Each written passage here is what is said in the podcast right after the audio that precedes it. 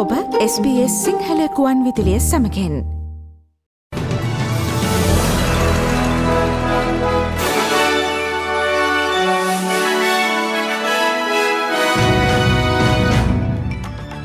ප්‍රථමයෙන් සිරස්තල.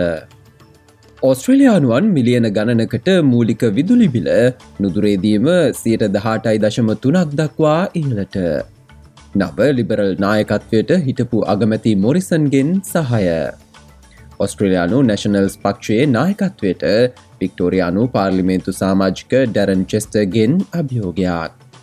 වික්ටෝරයා ප්‍රාන්තයෙන් පාසල් සඳහා ආබාධිත භාවය පිළිබඳ දැනුවත් කිරීමේ ව්‍යාපාරයක්. ශ්‍රී ලංකා හිටපු අගමැති මහින්ද රාජපක්ෂ CIDයට.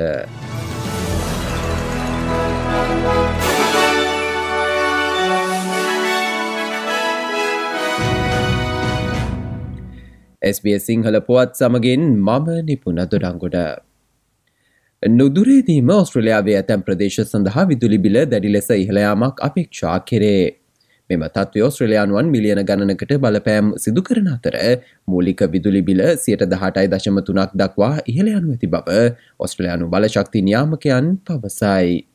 පසුගිය සතියන්තේදී පරාජයට පත් වූ ලිබරල් රජය මගින් මෙම මිල ඉහළ දැමීම මැයි මස විසි හයවැනිදා දක්වා කල් දමන ලෙසට ඉල්ලා තිබූ බවද වාර්තාවේ. ඔස්ට්‍රලයානු බලශක්තිනයාමකයේ අධ්‍යක්ෂ මණ්ඩල සාමාජිකෙක් වන ජස්ටින් නොලිව SBS වෙත සඳහන් කොට සිටියේ මෙම මිල ඉහළයාමට ගල්ලංගුරු සහ ගෑස් මිල ඉහළයාම ඇතුළු ප්‍රධාන සාධක කිහිපයක් බලපා ඇති බවයි. it's mainly wholesale cost of supply, and the chief driver there, to be honest, is fuel. It's coal and gas, and it's very expensive right now, and it's been getting expensive for a while, and that's you know, in no small part due to global events, what's happening in Europe, but also demand more generally.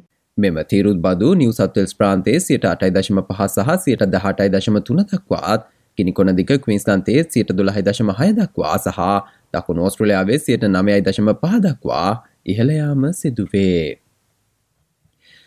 කවීන්ස්ලන්ත ප්‍රාන්තවැසියන් හට සිය ගෘහ බිල්පත් සඳහා ඩොල එකසිය හැත්ත පහක ජීවන වියදම් වට්ටමක් ලබාදීමට ප්‍රාන්ත රජය කටයුතු කරයි. මෙම ප්‍රාන්තයේ තොග විදුලිමිල මේ වන විට පවතින ඉහළම අගය වශයෙන් සැලකේ. මාර්තු සහ මැයි අතර කවීන්ස්ලන්ත ප්‍රාන්තේ මිල මෙගාවෝට් පෑකට ඩොල දෙසි අසුතුන දක්වා සියට හැටකින් ඉහළ ගොස් ඇති අතර සාමාන්‍ය පාරිභෝගිකන්ට මෙය සියට තුළ හදශම හයක් දක්වා ඉහළ යනු ඇතැයි අපේක්ෂා කරේ. ප්‍රාතාග්‍රාමාත්‍යවරිය වන ඇනස්ටේෂයා පැලශේ පාර්ලිමෙන්තුවේදී සඳහන් කොට සිටියේ මෙම තත්වේ හේතුවෙන් ඇතිබන පීඩනය අවම කිරීමට මීළඟ බිල්පත් සඳහා වට්ටම් ලබාදීම සිදු කරන බවයි. Mr. Speaker, $175 might not sound like much to some people, but for those facing these hard choices, it is a help. It is further proof that the people of this state made the right choices, the strongest choice that continues to pay dividends. ඕස්ට්‍රලයානු liberal පක්ෂයේ නව නායකයා හට සිය සහාය ලබාදින බව හිටපු අග්‍රාමාත්‍ය Scott Morrison පවසයි. හිට පෝස්ට්‍රලයානු ආරක්ෂකාමාත්‍ය පීට ඩටන් ලිබරල් පක්ෂයේ නායකත්වය සඳහා තරඟ කරන බව තහවුරු කොට ඇති අතර ඔහු නිතරගෙන් පත්වීමට ඉඩ පවතින බව වාර්තාවේ. හිටපු පරිසරාමාත්‍ය සුසෙන්ලී ලිබරල් පක්ෂයේ නියෝජ්‍යනායකයා වශයෙන් තරඟ කිරීමට නියමිතයි. හිටපු අග්‍රාමාත්‍ය ස්කොට් මොරිසන් සිය පරාජයෙන් පසු පළමු සාකච්ඡාවේදී 2GB රඩියෝ වෙත සඳහන් කොට සිටියේ පක්ෂයේ නව නායකත්වය සඳහා තම සහය ලබා දෙන බවයි. Of course, I'm disappointed by the result. It's not the first time the Liberal Party has lost an election. That, that happens from, you know, in, in, in various cycles, and the party will regroup and, and focus again under new leadership. And I look forward to giving that new leadership every every support. මේ අතර සිය මැතිවරණ ප්‍රචාරක කටයුතු සම්බන්ධයෙන් සමාලෝචනය කරන බව liberal පක්ෂය නිවේතනය කරයි. ආසන බොහෝ සංඛ්‍යාවක් ස්වාධීන අපේක්ෂකින් හට හිමිවීම මත පක්ෂය සිය දිගුකාලින අභිහෝග සම්බන්ධයෙන් විශ්ලේෂණය කිරීමට නියමිතයි. සන්ධානයට ස්වාධීන අපේක්ෂකින් හේතුවෙන් ඔස්ට්‍රලයාාව පුරා ආසනහයක් අහිමිවීම සිදු වූ අතර එම ආසන බොහොමයක් ලිබරල් ආසන වශයෙන් සැලකේ. සෙනෙත් සභික ජේන් හියුම් සහ පක්ෂය හිටපු ෆෙඩරල් අධ්‍යක්ෂ බ්‍රයන් ලොග්නන්ගේ අධීක්ෂණය යටතේ මෙම සමාලෝචන සිදුකිරීමට නියමිතයි. ඔස්ට්‍රලයානු නැශනල් පක්ෂයේ නායක බන්බී ජොයිස්ගේ පක්ෂනායකත්වයට අභියෝග කරන බව වික්ටෝරයානු නැශනල් පක්ෂ පාලිමේන්තු සාමාජික ඩැරන්චෙස්ට තහවුරු කොට තිබේ. පසුගේ සතියන්තයේ සඳහනයට ආසන රැසක් අහිමිවීම සම්බන්ධයෙන් නැශනල්ස් පක්ෂයට චෝදනා රැසක්ද එල්ලවිය. නැශනල්ස් පක්ෂනායක බානබී ජොයිස් හට නගර අභ්‍යන්තර ආසනවල ජනප්‍රියත්වයක් නොමැතිවීම මෙම පරාජ්‍ය සඳහා බලපෑම් සිදු කළ බවත් ඇතැම් පිරිසක් පෙන්වාදෙයි.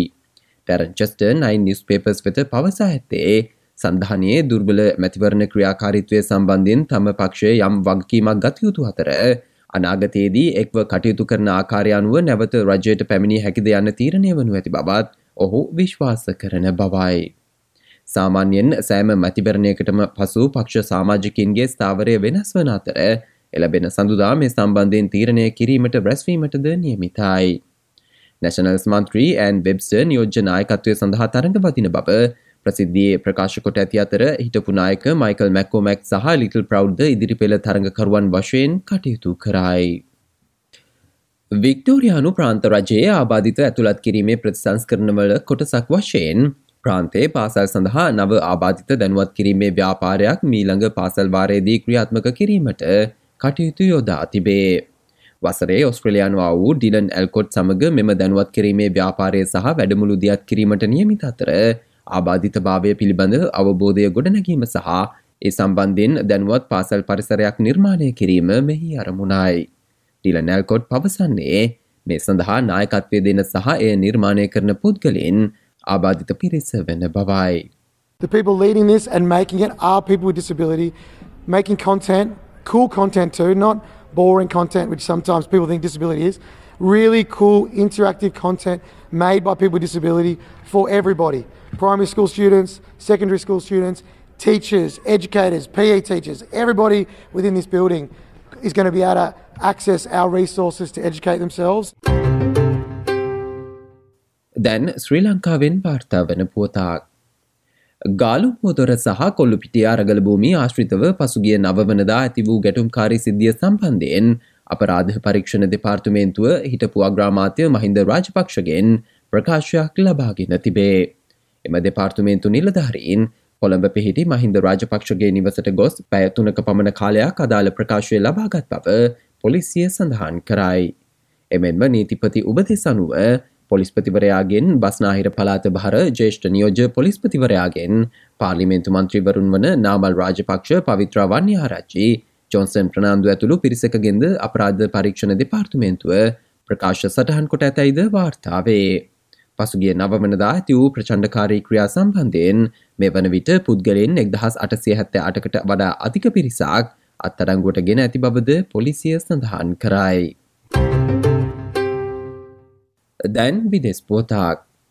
පසුගියදා ඇමරිකාවේ ටෙක්සාස් ප්‍රාන්තේ ප්‍රාථමික පාසලක සිද වූ වෙඩි තැබීම සම්බන්ධයෙන් එම අවස්ථාවේදී පොලිසිය නිසි ක්‍රියාමාර්ගගෙන නැතැයි වෙඩි පැදීමෙන් මියගිය පාසල් දරුවන්ගේ දෙමාපියන් චෝදනා එල්ල කරයි. එ සම්බන්ධෙන් සහ තවත් තොරතුරු අද වැඩසටහනේ විදෙස් විත්ති සමාලෝචනයෙන් බලාපොරොත්තු වන්න.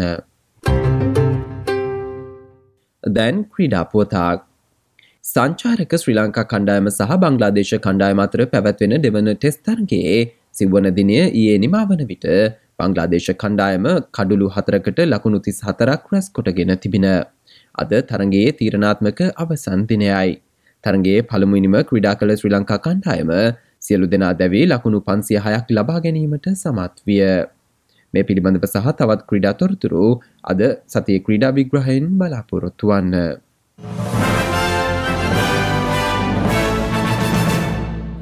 දැන් දවසේ ප්‍රධාන විනිමනු පාතිකාගයන් ඔස්ට්‍රලයානු ඩොලට සාපක්ෂ ඇමරිකානු ඩොල සතහැත්ත එකයි ප්‍රිතානි පවුම් සත පනස් හයයි යුරෝ සතහැට හයයි චපනෙන් අනුවයි සත දහටයි ශ්‍රී ලංකරුපියල් දෙසිය පනස් පහයි සත හැට තුනයි ඔස්ට්‍රලයාාවේ ප්‍රාන්ත සහ ටෙරිවලට දවසේ කලගුණේ වාර්තාවන්නේ මෙලෙසින්. සිනි සෙස සංචක විසියකයි උදෑසන මේදුම් සහිත වලාකුල් සහිත දිනයක්. මෙල්බර්න් සෙල්සෙ සංචක දහසයයි උදෑසන වැසි ඇතිවිය හැකි. පර්ත් සෙස සංචක විසි හතරයි බලාකුළු සහිතයි ඇඩිලේඩ් වැසි ඇතිවේ හැකි සෙස සංචක දහතයි හෝබාට් බලාකුළු සහිතයි සෙස සංචක දහතරයි කැන්බරා සෙස සංචක දහතයි උදෑසන මිහිදුම් සහිත වැසි ඇතිවිය හැකි කාලගුණයක් ප්‍රිස්බෙන් වැසි ඇතිවිය හැකි සෙස සංචක විසි හතරයි ඩාබෙන් සෙස සංචක තිස් සතරයි ආලොකමත් දිනයක් ශ්‍රී ලංකාවේ කොළඹාශ්‍රිත ප්‍රදේශ නියුෂ්නතය වාර්තා වන්නේ සැස සංචක විසි හයයි වලාකුළු සහිත කාලගුණයක් ලෙසින්.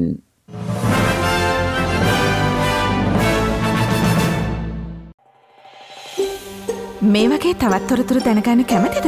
එහමනම් Apple podcast Google podcast Spotify ඔබගේ පොඩ්කාස්ට ලබාගන්න ඕනෑම මාතයකින් අපට සවන්දය හැකේ.